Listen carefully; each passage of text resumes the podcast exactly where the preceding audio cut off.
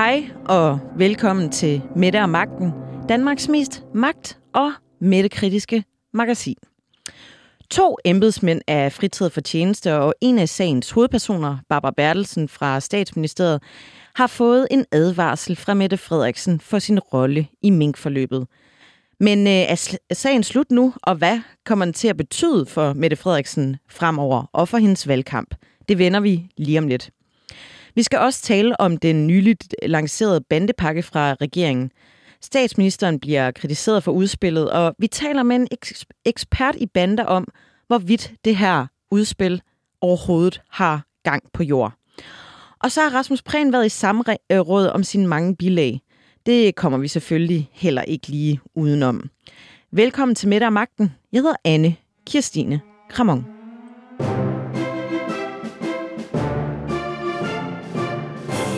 Efter lang betænkningstid meldte medarbejder- og kompetencestyrelsen i denne uge ud, hvilke konsekvenser minksagen får for de involverede embedsmænd.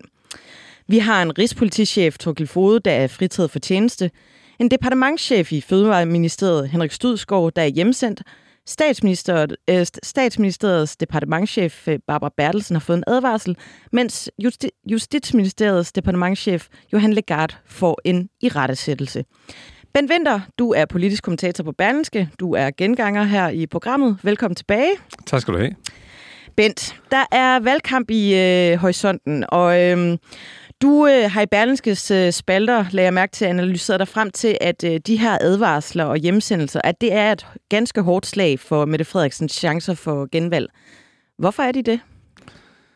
Jamen, til hele sagen er det, og det, at, øh, at den nu ender med øh, faktisk at få nogle konsekvenser for, for, for nogle embedsmænd, øh, og at, øh, at sagen sådan set øh, ruller videre på den måde, at vi bliver ved med at diskutere den, og at den stjæler opmærksomheden fra øh, det, som Mette Frederiksen gerne vil, nemlig ud at præsentere en masse forslag øh, og en masse gode initiativer, som Socialdemokraterne har.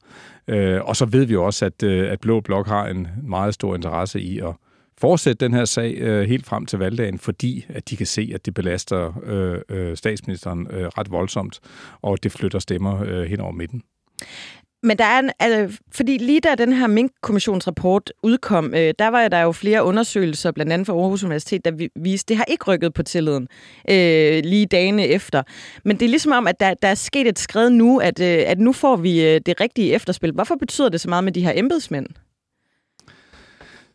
Det, der betyder noget med embedsmænd, er jo, at det viser, at øh, sagen er alvorlig. Den er så alvorlig, så der er to øh, departementchefer, der nu er, er, er blevet hjemsat og skal undersøges. Øh, så det der med at sige, at det var bare en, en forglemmelse og, og alt muligt andet, gør jo, at, øh, at vi i hvert fald nu kan se, at det ikke kun er en minister, det er også to departementchefer, der har givet en advarsel og en irettesættelse, øh, gør, at, at selve sagen kommer op i et, øh, et højere alvorsniveau øh, sådan som jeg ser det. Der er jo mange, der er skuffet over, at øh, Barbara Bertelsen, i hvert fald øh, fra oppositionen, øh, slipper med en advarsel i gåseøjne. Øh, betyder det også noget for, for Mette Frederiksen, at der ligesom ikke er, har været en konsekvens fra hendes, øh, den embedsmænd, der har været tættest på hende? Ja, det kan det sagtens gøre. Altså, det, folk tænker jo rigtig mange forskellige ting omkring den sag, og har mange øh, holdninger både til Mette Frederiksen og til øh, Barbara Bertelsen, hendes departementchef. Og næsten ligegyldigt, hvad det var endt med, øh, så kan man sige, så vil øh, der sidde nogen tilbage og tænke, at øh, det var forkert, eller det var for lidt, eller det var for sent, eller, eller, eller, eller alt muligt andet.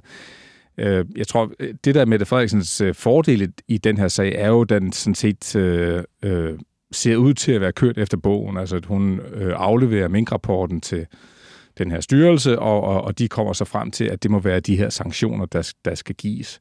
Så kommer der jo helt naturligt en lang øh, diskussion om, er styrelsen uvildig, og øh, skulle hun have haft en, en anden sanktion, har der været indblanding, og, og, og, og, og så videre. Og det er jo, kan man sige, svært for statsministeren at gå noget ved. Øh, til gengæld øh, er det jo meget ubehageligt. Altså nu sidder vi jo med en eller anden, hvad skal man sige, øh, øh, økse over hovedet i forhold til, at der skal være udskrevet et, et valg øh, 4. oktober. Øhm, øh, tror du, øh, nu bliver vi jo, er vi jo ude i noget spekulationer, det er jo også nogle gange en del af analysen, men hvor meget betyder det for øh, Mette Frederiksen at få lukket det her ned? Ej, det betyder rigtig meget. Altså hvis, hvis, der, hvis der er noget, der har været øh, øh, alvorligt for hende, så er det den her minksag, og man kan se, altså, øh, hendes troværdighed og, og, og meningsmål, de dykker omkring de her slettede sms'er sidste øh, efterår, var det vist, og, og så nu her igen efter øh, Mink-kommissionens rapport og, og hele håndteringen af det. Øh, derfor øh, gik vi lidt og sagde, også fordi vi kunne se det på målingerne, at det ikke rigtig så ud, som om det havde den store betydning. Øh, men, men, men der er et eller andet i hendes håndtering af det, og det, hele det der pressemøde efterfølgende, og i forhold til, at øh, embedsmænd skulle ikke hjemsendes med det samme, og der skulle ikke undersøges, om hun skulle stilles for en rigsret af nogle uvildige advokater osv. Der er noget i den der øh, øh, øh, øh, håndtering af det, der ligger oven i det billede, som mange mennesker har af hende som magtfuldkommen og, og, og enråd. Og det øh, er i virkeligheden den allerstørste trussel mod hendes genvalg, hvis vi lige ser bort fra Inger Støjberg. Der er en anden ting, vi øh, diskuterer rigtig meget i det politiske øh, Danmark lige nu i øh, disse dage. Det er, øh, var hele den her mink sag, er det en skandale eller ej? Mette Frederiksen har, har selv udtalt sig om det, og det lød sådan her. Jamen, jeg mener ikke, der er nogen skurk øh, i, i det her spørgsmål omkring mink, øh, og vil også... Øh, øh, altså, vil sådan set også gerne diskutere, om der er tale om en skandale.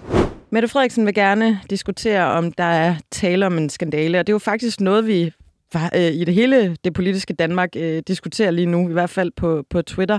Men Vinter, hvor meget betyder øh, det, om det er en skandale eller ej? Det synes jeg er, kan man sige, en, en helt, øh, jeg ved ikke, hvilket udtryk man skal bruge, men, men, men det er virkelig, virkelig en, en uheldig udtalelse øh, fra statsministeren. Også fordi det viser noget om, at hun ikke rigtig tager det alvorligt. Altså, at, øh, at hun får så hård en kritik, og embedsmænd får så hård en kritik af, af en kommission, som har siddet og arbejdet med den her sag, og den har øh, øh kostet en af hendes minister øh, posten osv., og så står hun og siger, at hun ved ikke rigtigt, om der er nogle skurker, om det er en, en skandale, og, og hvis man også ser på, kan man sige, det har kostet en masse minkavler og et helt erhverv øh, livet, øh, øh, at man øh, hun vil så, så sige, at de, de, de var døde alligevel, man havde gjort det her alligevel, men, men, men at man gør det uden øh, hjemmel og uden at der er bund i, i, i lovgivning. Altså det, det, det, det er en form for arrogance, og, og hvis man ser på, hvad der i, i forvejen belaster hende sådan identitetsmæssigt, så er det, at hun, hun virker arrogant, og det her, det ligger bare oveni. Ja, der kan jeg jo så som kommunikationsdame måske også øh, sige noget om, at, at det er jo netop, øh, hun, hun har et rigtig dårligt brand, lige når det gælder det her magtfuldkommenhed, og vil øh, også bestemme, hvad vi skal diskutere og ikke diskutere. Hun har jo flere gange sagt, der er mange diskussioner, hun ikke vil gå ind i, men hun vil gerne gå ind i den her diskussion om, hvorvidt det er en, det er en skandale eller ej. Og at øh, jeg tænker da, at man som rådgiver på øh, Christiansborg vil sidde og tænke, Måske lige en lille smule ydmyghed, krydret med en lille bitte smule anger, fordi det faktisk er den platform, man kan komme videre fra. Øh, det er det der med, når politikere bliver øh, stedigt ved med at fastholde noget, som vælgerne, øh, landets borgere, i hvert fald en stor gruppe, ikke er enige i, så, så kan det hurtigt blive noget, noget ballade. Og det bliver jo også øh, øh, diskuteret øh, vidt og bredt. Jeg så, at øh, Noah Reddington, han øh, siger, at øh, næ- det næppe er måden at lukke minkskandalen på mm. fra politikken også. Øhm, og så så jeg, Bent, at Christian Jensen, han peger på i en leder i politikken i, i den her uge, øhm, Ja, vi starter lige et andet sted. I den her uge er Socialdemokratiet jo også udkommet med en bandepakke, som vi skal snakke om øh, lidt mere til bundsgående senere i udsendelsen. Men i hvert fald skal der være skærpet straffe for bandekriminelle. Øhm, og Christian Jensen, han, øh, han peger i politikken på, øh, på et form for paradoks, vil jeg næsten kalde det, i forhold til hele den her mink-skandalesag, der kører, samtidig med, at man lancerer den her øh, bandepakke øh, for ligesom at skærpe straffene, så, så borgere i Danmark kan have en, øh, en stærk retsfølelse, øh, når bander begår kriminalitet. Hvor han siger, at som borger i Danmark er det også svært at have en uantastet retsfølelse efter slutskriftet i, øh, i, i den her politiske og forvaltningsmæssige øh, skandale. Altså han peger jo på den her dobbelthed, øh, at at sige det ene med den ene hånd og, og det andet med den anden hånd. Hvor meget betyder det øh, for den helt almindelige borger? Jamen, jeg tror, det betyder, det betyder meget, altså, altså i, i nogle kredse, altså det er jo, der er jo, vælgerne er, er, er meget forskellige, men der er nogen, der er meget, kan man sige, op og køre på, den, på, på, på, på hele Mink-sagen. Og hvis man øh, har oplevet, eller kender nogen, der har oplevet, at der er kommet betjente ud til ens minkfarm, og sagt, nu skal du altså øh, øh slå din øh, mink ihjel, uden at der var øh, lovhjemmel til det. Og kan man sige, kan man, hvis man kan sætte sig ind i den det, som det gør ved retsfølelsen, eller det, det gør ved retsfølelsen, at, at der ikke rigtig, øh, i hvert fald øh, politisk, at der er nogle konsekvenser øh, øh, af hele minkrapporten, så er det klart, at der vil nogen, der sige, at, det er altså simpelthen det forkerte tidspunkt, og måske også en forkert person, der står og taler om, øh, om retssikkerhed og, og, og, og retsfølelse. Til gengæld er der jo formentlig nogle andre dele af, af, af vælgerkorpset, som hun taler til, som, som synes, at øh, alt det der mink er noget, er noget pjat og noget slud, og det gider vi ikke høre mere om.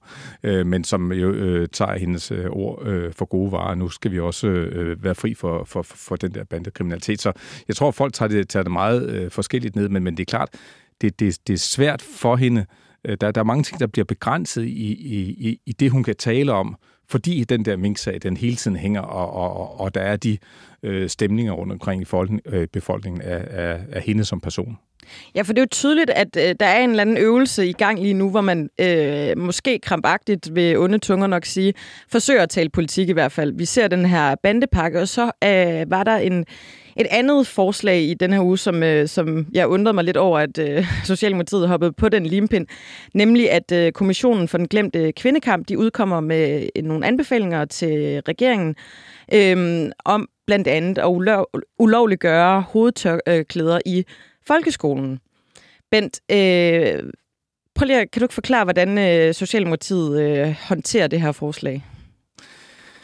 Jamen, hvis der er noget, der, hvis der er alt andet, vi har talt om, øh, lugter af valgkamp, så gør det her det i øh, 10. Potens. Ikke? Altså, at der kommer en, en øh, kommission øh, med en socialdemokratisk borgmester i Holbæk, den samme by, som øh, Kåre Dybvad Bæk bor i, øh, med en, en rapport, som i virkeligheden er virkelig, virkelig ringe underbygget, rent empirisk, øh, kommer med et forslag øh, ret meget ud af det blå luft, ud, og om at at forbyde tørklæder i skolen. En debat, som vi har haft i rigtig, rigtig mange år, som øh, kan man sige, der står rigtig mange hvad hedder det, holdninger på den ene og den anden side, og så siger øh, udlænding af integrationsminister Kåre Dybvad, det synes han er en god idé. Øh, den er både modig og, og så videre, og, og, men altså, nu skal vi selvfølgelig lige undersøge juraen og så videre. Det er i hvert fald en måde at lave politik på, som aldrig er set før i Socialdemokratiet. Det, det, jeg kan ikke mindes, at, at man har så vidtgående et forslag, som øh, over en weekend øh, og med et fingerknips er, er vedtaget af, som socialdemokratisk politik. Tidligere har det været noget, der skulle øh, igennem lange diskussioner og høringer og ender på en socialdemokratisk kongres, hvor man så stemmer om det, og så ændrer man sin politik. Her er det ligesom om, det, det gør man på en formiddag. Øh. Er det et tegn på panik? Jeg ved ikke, hvad det, det Det er i hvert fald et tegn på en ekstrem topstyring. Øh, og så tror jeg også, at, og så er det jo også et tegn på, at man øh, øh, kan godt se, at det går ikke så godt med den her valgkamp, og der er mange ting, der går imod en, og, og nu sætter man så alle sejl til. Øh, og det her, det er så et, et, et af midlerne. Øh, der, der, det er ligesom, der er ikke, der er ikke rigtig nogen stopklods længere. Hvem er det, man gerne vil hælde ind med de her, altså både bandepakke og det her tørklæde øh, forslag? Hvem, hvem er det, der skal tilbage i folden øh, sådan vælgermæssigt? Jamen, det er jo groft sagt dem, som øh, nu er gået til, til, til Dansk Folkeparti. Der er en 2, 3, øh, 4 procent af, af Socialdemokratiets vælgere, øh, som da Inger Støjberg danner sit parti, Danmarksdemokraterne, øh, smutter derover. Og det ved vi jo, det handler meget om udlændingepolitik, det handler selvfølgelig også om øh, land, by og provins, hovedstad osv., men det handler rigtig meget om udlændingepolitik. Og så ved sidste valg i 2019 havde øh, øh, øh, Socialdemokratiet meget, meget eller, eller stor succes med at hive øh, lige præcis de her vælgere over midten fra, dengang var det så fra Dansk Folkeparti, nu er det så fra, fra, fra Inger Støjberg, og øh, det vil de så prøve at, øh, at, at gøre en gang til, mens de måske i mellemtiden har troet, at man kunne lave sådan et, øh, et catch-all-parti, hvor, hvor Mette Frederiksen var den store leder, og man kunne både fagne dem i byerne og på landet, og øh, dem, der var kritiske over for indvandring, dem der, dem, der ikke var. Så, så, så, så det er ligesom en, et tilbagevenden til en gammel strategi. Så på en eller anden måde, altså vi har jo også set den, øh, hvad skal man sige, svingning i pendulet, der har været øh, i den her valgperiode. Netop fra, du, øh, som du siger, Bent, fra landet, og så lige pludselig var der en masse storbyvælgere, som man, man mistede under kommunalvalget. Så lige pludselig var det, for nu at, at, at bruge Mette Frederiksens Instagram-profil som eksempel, så var det jo lige pludselig Rune Lykkeberg-bøger, og ikke så meget håndbold og pølser, men, men mere et andet segment. Og nu er vi jo... Mm. Kan vi jo, ja, podcast, øh, der udkommer jo øvrigt en, en sæson 2, kunne jeg lige se øh, på statsministeren spørger. Øhm, og nu er vi jo lidt tilbage ved, altså det er jo øh, allermest synliggjort ved, ved Mette Frederiksens optræden med Candice øh, i sidste uge, at, øh, at nu er vi tilbage ved et, ved et helt nyt øh, segment, men det, det virker som om, at man har tænkt, okay, men vi er nødt til, vi kan den her one size fits all løsning, eller catch all parti, det kan vi simpelthen ikke skabe, så vi er nødt til at fokusere mm. meget, meget stramt på det segment, som, øh, som Inger er ved at, at tage fra os. De bor i Jylland de vil øh, juble og klappe. De, øh, mange af dem har aldrig nogensinde øh, mødt øh, en indvandrer, og hvis de har, så er det en iraner, de kender, der øh, mm. spiser løbsteg. Øh, men, men ellers så har de bare hørt om det her kriminelle, hårde bandemiljø, de her stakkels piger i folkeskolerne i København, der bliver tvunget til at gå med tørklæde. Så lad os prøve at, at, at spænde dem ind i en fortælling øh, om, at vi håndterer det øh, problem over på Djævløen, og, og så er der ligesom ro i landet er min analyse lidt af, at, øh, at det, der sker mm. lige nu. Fordi det er tydeligt, at der er noget, øh, noget Inger Støjbergsk over Mette Frederiksen i, i de her dage. Øhm, Bent Vinter, tusind tak, fordi du ville komme i studiet. Velkommen.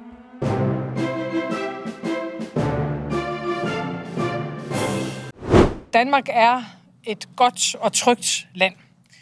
Tilliden mellem mennesker er generelt høj, stor i vores samfund, og langt de fleste af os respekterer de fælles spilleregler og passer på hinanden. Den tillid og den tryghed, den skal vi værne om. Og den er på mange måder øh, selve fundamentet for vores samfund. Men selvom langt de fleste borgere i Danmark lever i respekt for det, de værdier og det fællesskab, Danmark bygger på, så er der altså også nogen, der ikke kan finde ud af det. Unge, der gør grænseoverskridende ting, som skaber utryghed for andre, trusler, vold. Sådan lød det, da Mette Frederiksen og Mathias Tesfaye i tirsdags kunne præsentere en bandepakke, der blandt andet giver højere straffe for ydmygelsesvold, våbenlager og rekruttering til bander. Og så havde vores udlændinge- og integrationsminister Kort Dybvad også lige snedet sig med på pressemødet. Det kunne måske få en lidt sølvpapirsagtig type som mig selv til at tro, at det næsten ligner, at Socialdemokratiet vil på charme offensiv for at vinde nogle indvandrerkritiske vælgere tilbage. Er det Inger Støjbergs genindtog på den politiske scene, der får skoen til at trykke lidt? Ikke desto mindre, så står jeg efter at have kigget på det her udspil tilbage, og er lidt i tvivl, om den her bandepakke reelt vil reducere bandekriminalitet, eller om det bare er ren symbolpolitik. Til at hjælpe mig med lige at lave en vurdering af det her, der har jeg hedkaldt en stor kapacitet på området. Line Lærke Mørk, du er professor i forebyggelse af bandeinvolvering og radikalisering på Aarhus Universitet. Velkommen i studiet. Tak. Kommer den her bandepakke fra Socialdemokratiet til at gøre en forskel, eller er det her i kategorien løst velkomstkrudt?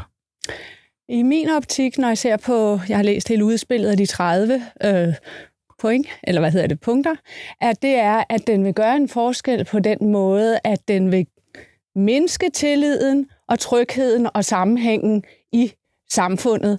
Den vil skabe yderligere dobbeltbinds på flere niveauer, både for de socialarbejdere og velfærdsprofessionelle, der arbejder, men også for de øh, unge mennesker, familier, som bliver set og stemplet som værende potentielle øh, bandemedlemmer i en meget tidlig alder, og også for dem, der faktisk er på vej ud af miljøet.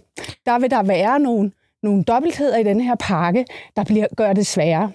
Så det du siger, den her bandepakke kommer til at gøre det stik modsatte af, hvad den er sat i verden for at gøre. Kan du prøve at uddybe lidt mere konkret, hvad er det, der er øh, sprængfarligt her, for nu at bruge en banderetorik? Når jeg som forsker kigger på pakken, så, øh, så laver jeg en analyse, hvad vil det betyde for hverdagslivet i praksis på alle de her niveauer. Og jeg har jo fulgt både unge, familier, øh, socialarbejdere, der arbejder i det forebyggende felt, to projekter øh, i Hillerød og ind, øh, Indre Nørrebro lige omkring Blokkers Plads. Det ene bliver kaldt bandeforebyggende også. Det andet et SSB-projekt. Det er begge dele nævnt i den her pakke. Så har jeg fulgt øh, tidligere øh, bande- og rocker øh, medlemmer over lange perioder. Det vil sige, at jeg kan se og følge deres hverdagsliv, og ikke bare lige, når de er på vej ud af miljøet, men også betydningen over tid. Og for det her hverdagslivs perspektiv, der har jeg kunne se mange af de her ting, der allerede er nævnt i denne her nye udspil, de er der jo i forvejen. Og jeg har allerede øh, i mange af de artikler, jeg har skrevet, analyseret nogle af de dobbeltbejser og de dobbeltheder, som det nu, nu bliver der skruet en ekstra tand på noget, der var et problem og en udfordring i, i forvejen. Og når jeg, når jeg, altså, jeg, jeg bider jo mærke i det der med tillid og tryghed, som, øh, som er målet, og som, som øh, vores statsminister jo fremhæver. Denne her pakke vil skabe yderligere mistillid, fordi altså, der er jo punkter. Nu skal det være lovligt at anvende agenter fra miljøet, der skal øh, udlevere deres kammerater. Vi ved, at når man sladrer inden fra det her miljø, for eksempel, så risikerer man at blive slået ihjel. Vi, øh, vi har en samfundsmæssig interesse i at nedbringe antallet af konflikter, antallet af drab.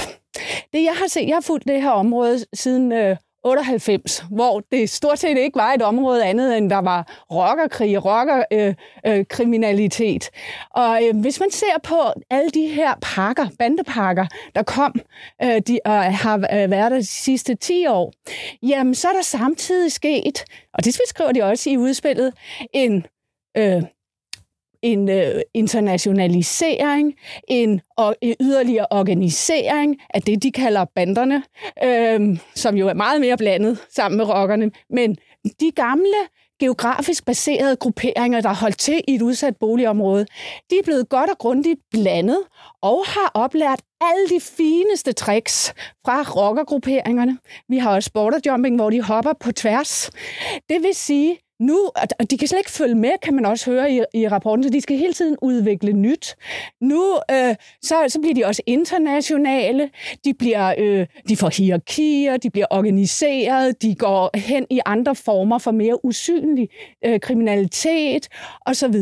Og det er, den, det, det, det er den ændring, man har set, når man ser historisk på det, og når sådan, sådan forsker som mig ser altid ting i et historisk perspektiv. Hvordan ændrer det sig? Hvad er med til at ændre det? Og ikke isoleret, man ser et helhedsorienteret øh, perspektiv. Man ser både på bandemiljøet og hvordan det ændrer sig. Hvordan ændrer kriminalforsorgen og det at sidde inde? Hvordan ændrer øh, hele det forebyggende arbejde, hvordan det er organiseret? Hvordan ændrer samarbejdet mellem, man kan man sige, det, vi kalder civile samfund, som de jo meget gerne, kan vi høre i pakken, vil have, også kommer til systemet og fortæller, når der sker noget. Øhm, og, og hvordan ændrer relationen mellem civile borgere og systemet med de, øh, de her ting. Alt det, det ser jeg på, og jeg kigger historisk. Og det vi er gået fra, da jeg forskede tilbage i 98 til 2003 og lavede en PhD om tidligere rødder på Blokkers Plads, der arbejdede med øh, gadeplansarbejde, og lavet, øh, hvad kan man sige, konfliktmæling mellem små grupper og sådan noget, som var i en helt lavere liga end det, vi ser nu. Øh, der, øh, jamen, der var, øh, de, de kunne mødes med den lokale borgmester og briefe øh, og sige, ah, nu er der optræk til det og det og det. Vi skal gøre sådan og sådan. Der var dialog på tværs. Øh, de kunne, øh, nogle, de, nogle af de unge, de havde en ben i hver lejr. De var selv opvokset på Blokkers kendt Gud og hver mand, alle familier og sådan noget. De kunne lige snakke og høre og røre på vandrørene, hvad skete der egentlig, og de kunne forebygge konflikter. I dag, der er der sat så mange skæld ind om sikkerhedshensyn, og man må ikke øh, de etablerede for eksempel exit-programmer, når der er mange af dem, der er tidligere banderokkere, og det kan være det 15 år siden, øh, 8 år siden, at de har forladet, forladt, øh, hvad hedder det, øh, øh, miljøet, og de vil rigtig gerne hjælpe at gøre en forskel her, og danner, laver deres egne tiltag og gør et, et stort og øh, vigtigt stykke arbejde. Men de må ikke samarbejde med de andre, fordi så er der nok en sikkerhedsrisiko. Så nogle ting er med til at skabe nogle barriere for, at vi kan få løst de her problemer, at vi faktisk kan få folk ud af miljøerne, at vi kan få skabt tillidsfulde forhold på tværs af forskellige positioner øh, i øh, det her øh, samlede samfund, hvor vi jo både er kan arbejde som professionel og samtidig bo i et lokalområde og gå i skole, øh, have øh, børn i skole med nogen, der også har en far, der rocker og så videre. Men Altså, i et historisk perspektiv, den her bandepakke øh, er jo kommet i, i denne her uge. Altså, hvor stort et, et problem er bandekriminalitet? Er det, er det en, et øh, område, der er ligesom øh, øh, vækster, som man vil sige, om hvis det var en virksomhed, eller er det, øh, er det øh, lidt på tilbagetog? Hvis man ser på øh, Rigspolitiets tal, hvert år der udgiver de en rapport, hvor de optæller antallet af det, de kalder registrerede rockere og bandemedlemmer. Øh, og i udspillet, der taler de primært om bandemedlemmer, men, men det tal, de skriver i udspillet, det er 1300, og det er i virkeligheden taget fra Rigspolitiets tal, der rummer både rockere og bandemedlemmer. Så lige nu, så siger de, at der er 1300. Øh, de sidste fire år har det svinget sådan lidt frem og tilbage mellem 1100 og 1300. De øh, øh, forrige, øh, hvis vi tager 10 år tilbage, så har det været helt, jeg tror det højeste var 2100, så har det været på 1700, det har været på 1400, det har været lidt op og ned. Så gennemgående, hvis du tog en, øh, en lille og tegnede en lille streg, så har der været et kæmpe fald i antallet af bandemedlemmer, og det er altså politiets registrering. Øhm, så kan man jo se på bandekonflikter internationalt, når man skal vurdere, hvad der er problemer, om noget går op eller ned. Så ser man også på antal øh, sårede, skyderier, drab osv. Vi kan ikke bruge det der med at sige, hvor mange der bliver sigtet og kommet i fængslerne for at se, hvordan det går. Fordi når man hele tiden strammer, så mere og mere flere ting bliver krim, øh, kriminelle, jamen så får vi også flere i i fængslerne. Og det er jo det, man har gjort i de pakker. Men altså, hvis vi ser på antal drab, skyderier og sådan noget, så er, der, øh, så er det ikke gået nedad, men øh, det, der har været sådan lidt op og ned, og, øh, men det, hvis vi tager øh, hvad hedder det, helt tilbage fra 98, så er det gået way up. Jamen nu bor jeg, nu ved jeg godt, det her det er totalt en uh, anekdotisk betragtning, men dem skal der også være plads til. Jeg bor selv ret tæt på uh, Blokkers plads, uh, og jeg vil da sige, at i nogle uh, perioder har der været lidt mere, hvad skal man sige, hissig stemning, end der er for tiden og har været i lang tid. Der var omkring valget uh, 2019, hvor uh, hvad hedder han, Rasmus Paludan huserede dernede, hvor stemningen var rigtig... Uh... Det har jeg også forsket tæt i og skrevet ja. flere artikler om. Ja. Det kan vi også komme ind på. Ja, så, så min egen fornemmelse er, at det ikke står helt galt til lige for tiden. Men lad os prøve at dykke en lille smule ind i, i øh, det her udspil, øh, eller den her bandepakke. Man vil jo blandt andet gøre det kriminelt og, og bidrage til, at øh, unge under 18 år involveres i kriminalitet. Har det ikke altid været ulovligt? Jo, og det er, der er fældet sager, hvor der er nogen øh, over 18, der har øh, er blevet dømt lange domme for at have tilrettelagt, at nogle andre udfører det beskidte arbejde. Men øhm, Altså, hvis man tager sådan et øh, hardcore bandemedlem, det her med en højere straf, har det en afskrækkende effekt? Altså, øh, alle, al forskning, og der har vi især meget international forskning fra USA, øh, viser, at det ikke har en effekt. Når man siger e- effekt, at så, så man, man, man siger, okay, nu lader jeg være med at tage mit våben med, når jeg skal ud og hævne, fordi at der er lige fordoblet øh, straffen for at gå med skydevåben, for eksempel. Eller nu, og det de skriver i rapporten, når de siger, hvad virker, så siger, så siger de, okay, politiet finder færre våben på dem. Så det kan godt være, at man skjuler dem bedre, man finder nye måder eller sådan noget. Men der er ikke effekt i forhold til, at, øh, øh, altså, at øh, de finder, de er kreative, så nogle gange så er der nogle andre, der bærer det, men øh, ja. Ja, fordi, at, øh, og det er igen min egen fordom, så må du jo rette mig, hvis, øh, hvis det er forkert, men jeg har også en opfattelse af, at det er et parallelt samfund. Altså, der, man har jo sin egen, hvad skal man sige, lov og regler i det samfund. Så det, der foregår i, i gåsøjne det rigtige samfund, at, at man vil dybest set lidt ligeglad med.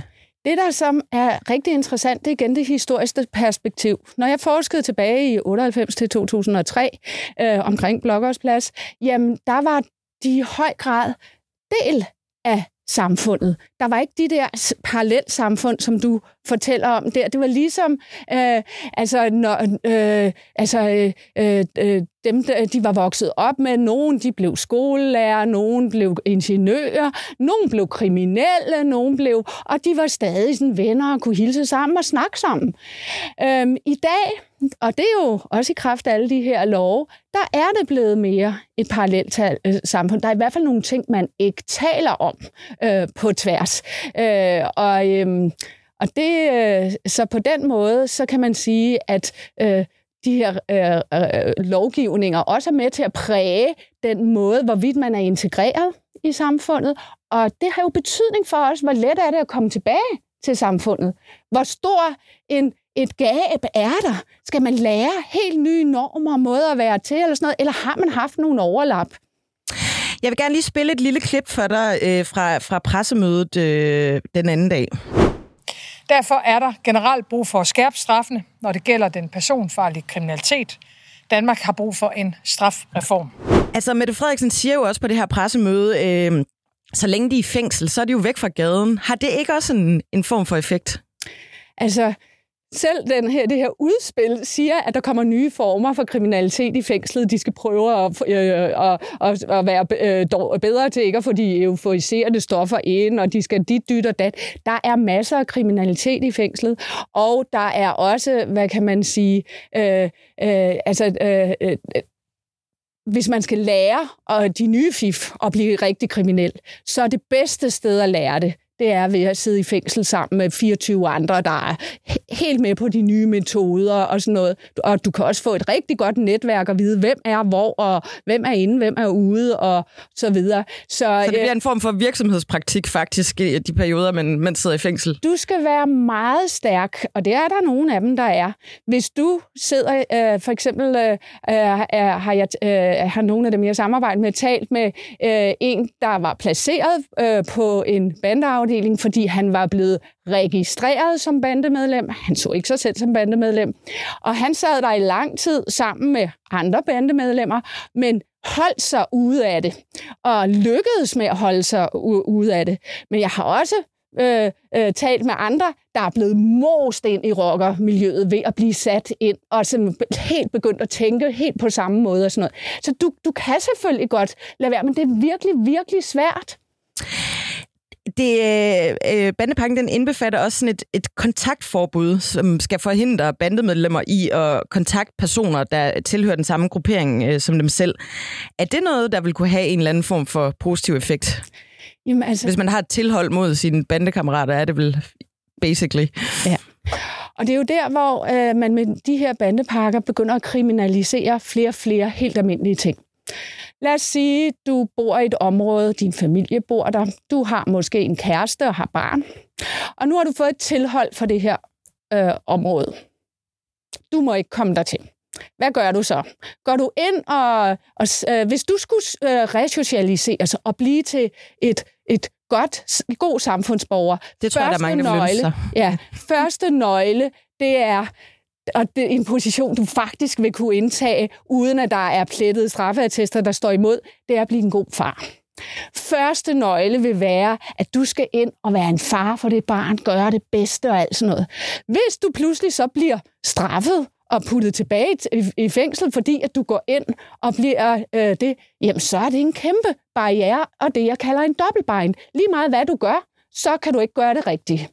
Damn if you do, damn if you don't. Nemlig. situation. Mm.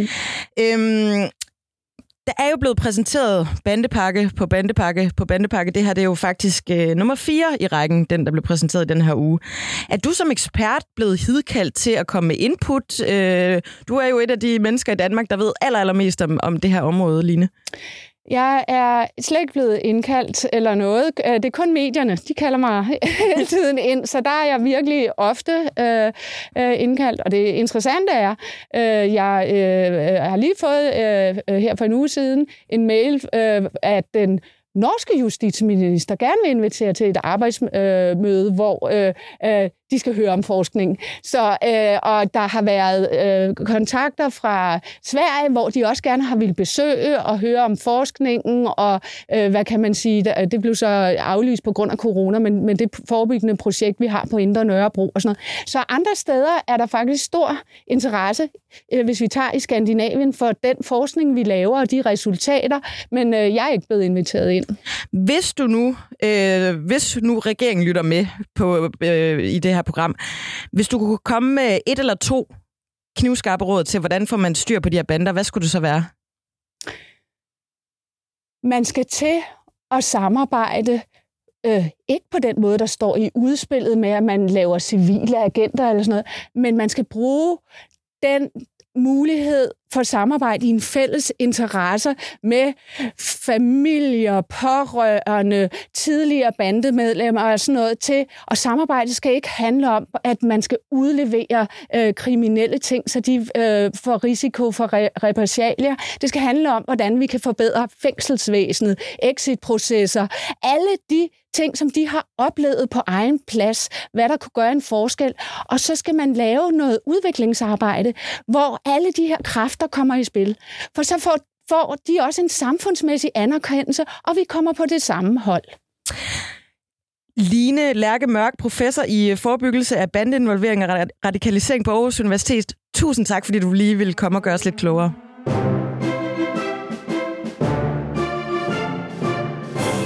Og så stiller vi om til følgetongen Rasmus Prehn. I denne uge var han nemlig indkaldt til et samråd om hans bilagsråd. Lad os lige høre, hvordan Rasmus Prehn selv lagde fra land med en forklaring. Endelig for det fjerde har jeg brugt mit kreditkort på en restaurant med en journalist, men efterfølgende skrevet et forkert navn på regningen. Det er pinligt. Det var dumt. Her må man mildest talt sige, at jeg har haft hovedet under armen. Hvad denne meget uheldige fejl skyldes, ved jeg simpelthen ikke. Jeg ved ikke, hvor jeg havde mit hoved, da jeg skrev navnet. Jeg tager naturligvis det fulde øh, ansvar for fejlen, og jeg har betalt regningen af egen lomme. For dog at rette op på dette meget pinlige kiks. Jeg har besluttet, at jeg fremover altid betaler alt af egen lomme, hvis jeg skal have møder med journalister på restauranter eller i andre situationer, hvor der kan opstå selv den mindste tvivl. Desuden har jeg også afleveret mit kreditkort. Det får jeg ikke brug for mere. Jeg har tilbagebetalt det, jeg skal. Jeg har foretaget ændringer, så det ikke gentager sig. Og jeg forventer ikke at se flere lignende sager. Ja, det er altså både pinligt dumt, og han har haft hovedet under armen, og det er en uheldig fejl, og det er et pinligt kiks, og han betaler faktisk selv, og nu har han faktisk også lige afleveret sit kreditkort, må vi forstå. Der var noget under det her samråd, som jeg blev mærke i, var en lille smule interessant. Det var et øh, spørgsmål til Rasmus Prehn fra Venstres øh, Morten Dalin. Lad os lige prøve at høre Dalins spørgsmål og Prehns svar her. Kan du garantere, at du ikke har bedt dine medarbejdere i det nuværende eller i tidligere ministerium om at ændre i kalenderindkaldelser for at kunne sikre, at du ikke vil komme i problemer, hvis pressen søgte agtindsigt. Med hensyn til en instruks i forhold til kalenderindkaldelse, så kan jeg øh, godt give den garanti. Det kunne jeg aldrig drømme om, at jeg har bedt nogen om at lave om i kalenderindkaldelse. Ja, Morten Dahlin, han vil altså gerne vide, om øh, om Rasmus Prehn har øh, lavet, fået lavet om i sine kalenderindkaldelser, i sin ministerkalender. Jeg synes, det er en lille smule mærkeligt øh, at spørge om spørgsmål. Det er ikke noget, der har været på tapetet tidligere i sagen. Og øh, lige om lidt, så snakker jeg med en venstremand, som jeg gerne vil høre om. De har en eller anden viden, som vi ikke har. Men lad os lige fortsætte med, med samrådet. Øhm, for noget, som op, optog øh, Rasmus Prehn rigtig meget, det var hensynet til den journalist, han har spist en middag med på restaurant Undici. Lad os også lige prøve at høre, hvordan det lød. Og det er jo øh, sådan, at der jo desværre også sådan set mod min vilje er journalister, der er blevet hængt ud for at have spist den her middag med mig. Så det er jo en systematik eller en metode, at arbejde på med ganske få tilfælde. Husk på, det er jo flere interview, man har hver eneste uge, hvor langt de fleste er på telefon. Men der har været nogle enkelte tilfælde, hvor jeg har valgt at spise en middag. Og det har jo vist sig, i de tilfælde, der har været fremme, at det er noget, som de har stået på mål for. I det her tilfælde har jeg så valgt at sige, prøv at høre, vedkommende risikerer en veritabel mediestorm. Det vil jeg ikke stå model til, så jeg betaler af egen lomme. Og det kommer jeg også til at gøre fremadrettet. Jeg vil simpelthen ikke have, at der er nogen, der bliver hængt ud i medierne. Jeg er ked af, hvis det så gør, at hr. Jakob Jensen bliver i tvivl om, hvorvidt han kan have tillid til mig. Ja, det er altså en nærmest martyragtig Rasmus Prehn, der efter at have bragt den uskyldige journalist i fedtefadet, faktisk nærmest er sat i verden nu for at være journalisternes store beskytter. Og øh, han er samtidig en stor held, der øh, betaler af egen lomme for de middage, han har spist med journalister. Sikke en selvopoffrelse.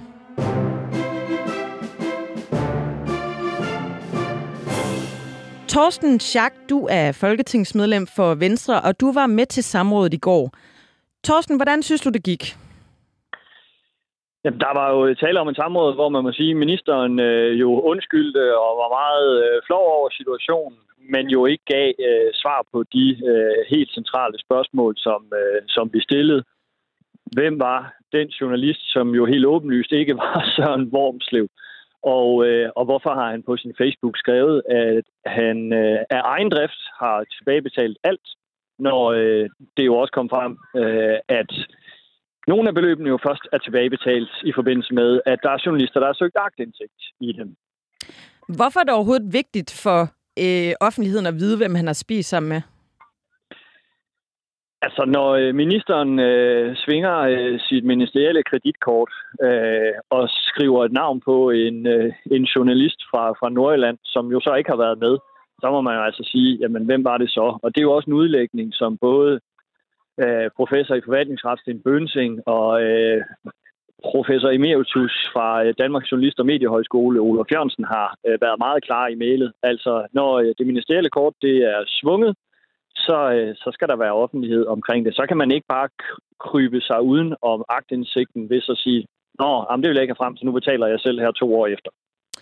Der var et, øh, et helt særligt spørgsmål, som din kollega Morten Dalin øh, stillede, og det spillede jeg for, for lytterne lige før, øhm, som handlede om, om Rasmus Prehn har fået sin ansatte til at ændre i kalenderaftaler.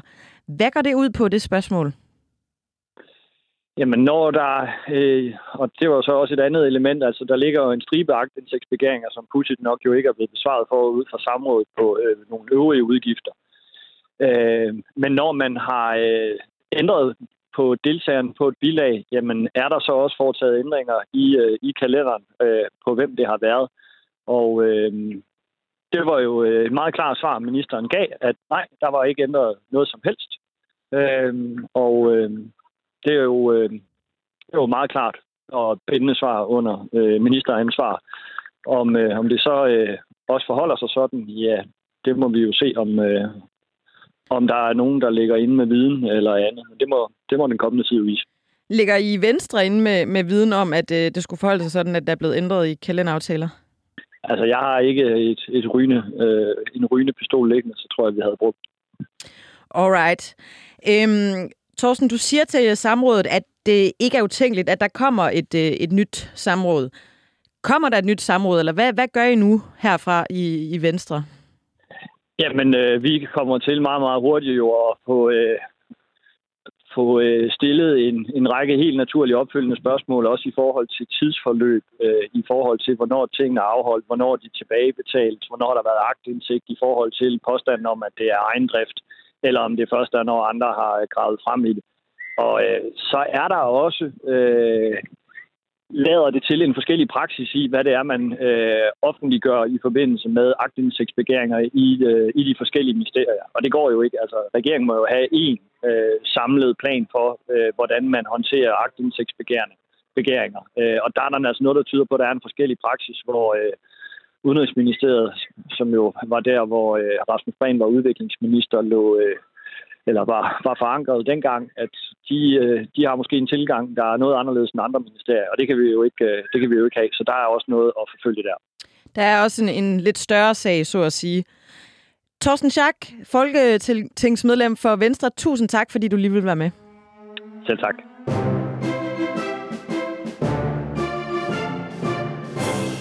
Og øh, hvis man ikke har set det her samråd, som vi lige har talt om, så har vi her på redaktionen samlet de allerstørste hits fra det. De kommer her. Livet det leves forlæns og forstås baglæns. Jeg har haft hovedet under armen. Jeg, jeg tager det fulde ansvar. Det er menneskeligt at fejle. Jeg, jeg, jeg er endda meget menneskelig. Jeg er flov over det. Jeg undskylder, så jeg betaler af egen lomme af den pinlige dumme fejl. Og så betaler med mit eget kreditkort. Eget kreditkort. Det ser ved Gud ikke smukt ud. Det er jeg rigtig ked af. Lige lovlig menneskelig. Og der er jeg så begået den her virkelig, virkelig dumme, øh, pinlige fejl. Er det menneskeligt at fejle? Og det er jeg så desværre kommet til at gøre her.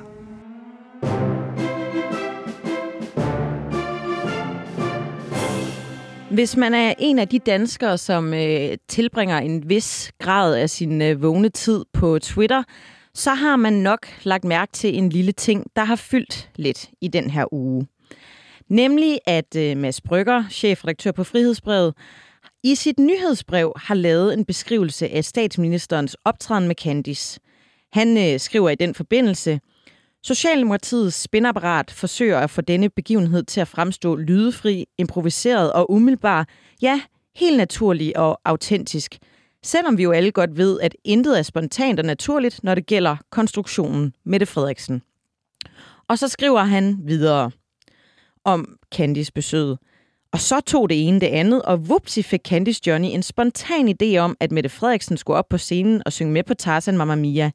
Og heldigvis øh, var Mette Frederiksen netop denne aften iklædt en amish-agtig olfruekjole af et snit, som virkelig tager kejler i dansk topkredse. Og shasham, så var Mette Frederiksen pludselig på Somi med den syngende dildo Candice Johnny.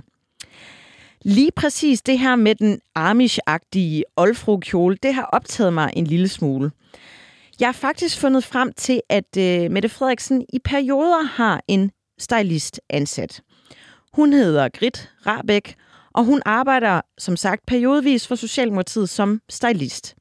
Blandt andet har hun designet Mette Frederiksens brudekjole, og hun har også hjulpet Mette Frederiksen som stylist i valgkampen i 2019, og så har hun fortalt mig, at hun også hjælp Mette Frederiksen nytårsaften. På LinkedIn der kan man læse, at hun de sidste 3,5 år har været tilknyttet Mette Frederiksen som stylist. Jeg har ringet til Grit og spurgt hende, om statsministeren bevidst er gået efter en amish-agtig olfru-kjole, øh, og at, om det er den stil, hun ligesom gerne vil have, når hun øh, klæder sig på. Men øh, Grit, hun fortæller mig, at det look, som Mette Frederiksen bar til øh, Candice-koncerten, øh, ikke er et look, hun har været ind over, og at Grit, hun kender altså ikke til, at Mette Frederiksen bevidst skulle øh, forsøge at klæde sig som en amish-agtig oldfrue. Det, som øh, Grit til gengæld fortalte mig, det var, at Mette Frederiksen i sit look forsøger at fagne ret bredt, og at det, hun ifører sig, skal have en bred appeal. At det er meget vigtigt, at, øh, at det ser statsligt ud, og at det ligner, at hun udviser format. Grit, hun fortalte mig om en blomstret jakke, som Mette Frederiksen havde haft på under valgkampen, som ikke tog så mange kejler, og derfor gik hun ikke så meget med den længere, fordi den ikke appellerede nok til folk. Men om øh, den kjole, som øh, Mette Frederiksen var iført til Candice-koncerten, går ind under det, der hedder statsligt og, og formatagtigt, det må jo være op til den enkelte smag og behag. Det er jo faktisk en ret interessant diskussion, om man overhovedet kan tillade sig at kommentere på, hvad en politiker er iført. Som øh, udgangspunkt, så skal vi selvfølgelig fokusere på, hvad der kommer ud af munden på folk, og ikke hvad de har på. Det giver sig selv. Men jeg vil dog give Mads Brygger ret i, at når det handler om dybt kalkulerede mediestunts, hvor der i forvejen er en rette, række opsatte artefakter, der bringes i spil. I det her tilfælde var det Candice Johnny og et krammermarked og en iPad. Øhm, så må man selvfølgelig også godt fokusere på de andre artefakter, der også er bragt ind i skuespillet, herunder beklædningen. Men vi kan altså fra Mette øh, og magten afvise, at der er tale om et bevidst valg af en øh, Amish-agtig olfru-stil. Det afviser altså Mette Frederiksens stylist Grit Rabeck. Der er store dele af Storkøbenhavn, hvor jeg aldrig selv vil turde gå i dag, og sådan skal det ikke være i Danmark. Der er udtrykke, som er udtryk på vegne af andre mennesker. Jeg er det også selv.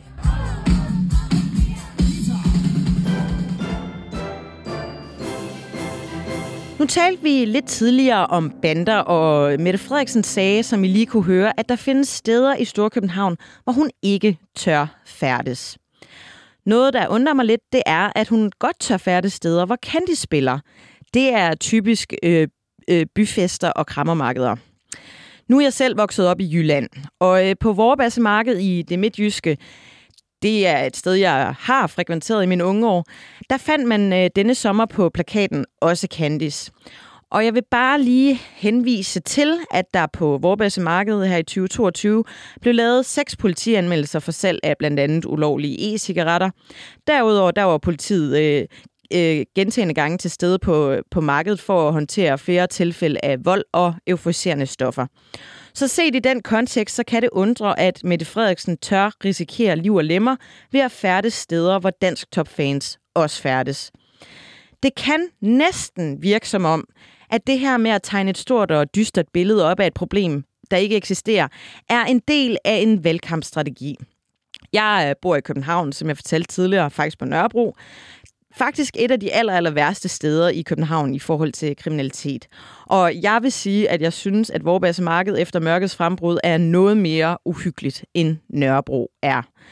Men min analyse er, Mette Frederiksen hun er ude med den helt store øh, majtærsker over hele Jylland for at høste nogle vælgere. Jyske vælgere. Vælgere, der ikke færdes i København til daglig, og derfor kan overbevises om, at København er det vilde Vesten. Den slags, det har faktisk et navn, og det er det, man kalder frygtkommunikation. Det kan for eksempel lyde sådan her. Øhm, jeg vil gerne spørge til noget, du sagde i Berlingske her forleden dag, om at øh, du mener, at der er et kæmpe mørketal i forhold til kriminalitet og chikane, der, ikke, øh, der aldrig bliver anmeldt. Øh, og så spørger journalisten, hvor ved du egentlig det fra? Og så siger du, jamen det ved jeg, fordi folk siger det til mig. Øhm, der kunne jeg godt tænke mig at spørge, altså, hvor mange folk er det, der siger det til dig, siden at det sådan skal være stående? Jamen, det er rigtig mange, og det minder... Øh, det, altså, er det 5, 10, 100? Det er mange mennesker. Hvor mange er det? Og hele, det her, hele den her diskussion, jeg har selvfølgelig godt set den, hvor rigtig mange mennesker var nedslidte og havde behov for værdig tilbagetrækning. Og det samme gælder her. Jeg fører jo ikke en logbog over, hvor mange mennesker jeg taler med, men jeg har boet i Ballerup i snart 20 år, før jeg flyttede derfra. Og det vil sige, at jeg har i øh, to årtier haft min daglige gang i omegnen af København. Og jeg har talt med rigtig mange mennesker og gør det fortsat. Der er utrygge, som er utrygge på vegne af andre mennesker. Jeg er det også selv. Der er store dele af Storkøbenhavn, hvor jeg aldrig selv vil turde gå i dag, og sådan skal det ikke være i Danmark. Ja, mens der er tales om at skabe et øh, sundere politisk klima, vi skal fokusere på ordentlighed, så laver man politik på noget, som nogen har fortalt en. Hvem det er, hvor mange det er, det kan Mette Frederiksen ikke lige huske. Tak for kaffe, siger jeg. Der er ikke noget som politikere, der har fået nogle anekdotiske betragtninger fra nogle mennesker, de lige har mødt på gaden, som de så fremfører, som om det var fakta. Det der, det er ikke at lave politik. Det er at piske en stemning op på bekostning af nogle andre. Og lige nu er det os, der bor i København. Lige om lidt kan det være dem, der bor i Jylland. Det ved man ikke. Jeg tror ikke, Mette Frederiksen er for fin til noget. Men man må altså som minimum forvente, at en statsminister har en eller anden form for belæg for det, der kommer ud af munden på hende. Det er lige til ugens Astrid, det her. Så øh, tillykke med den, Mette Frederiksen. Den får du endnu en gang. Og det var simpelthen alt, hvad vi havde valgt at bringe i den her uge.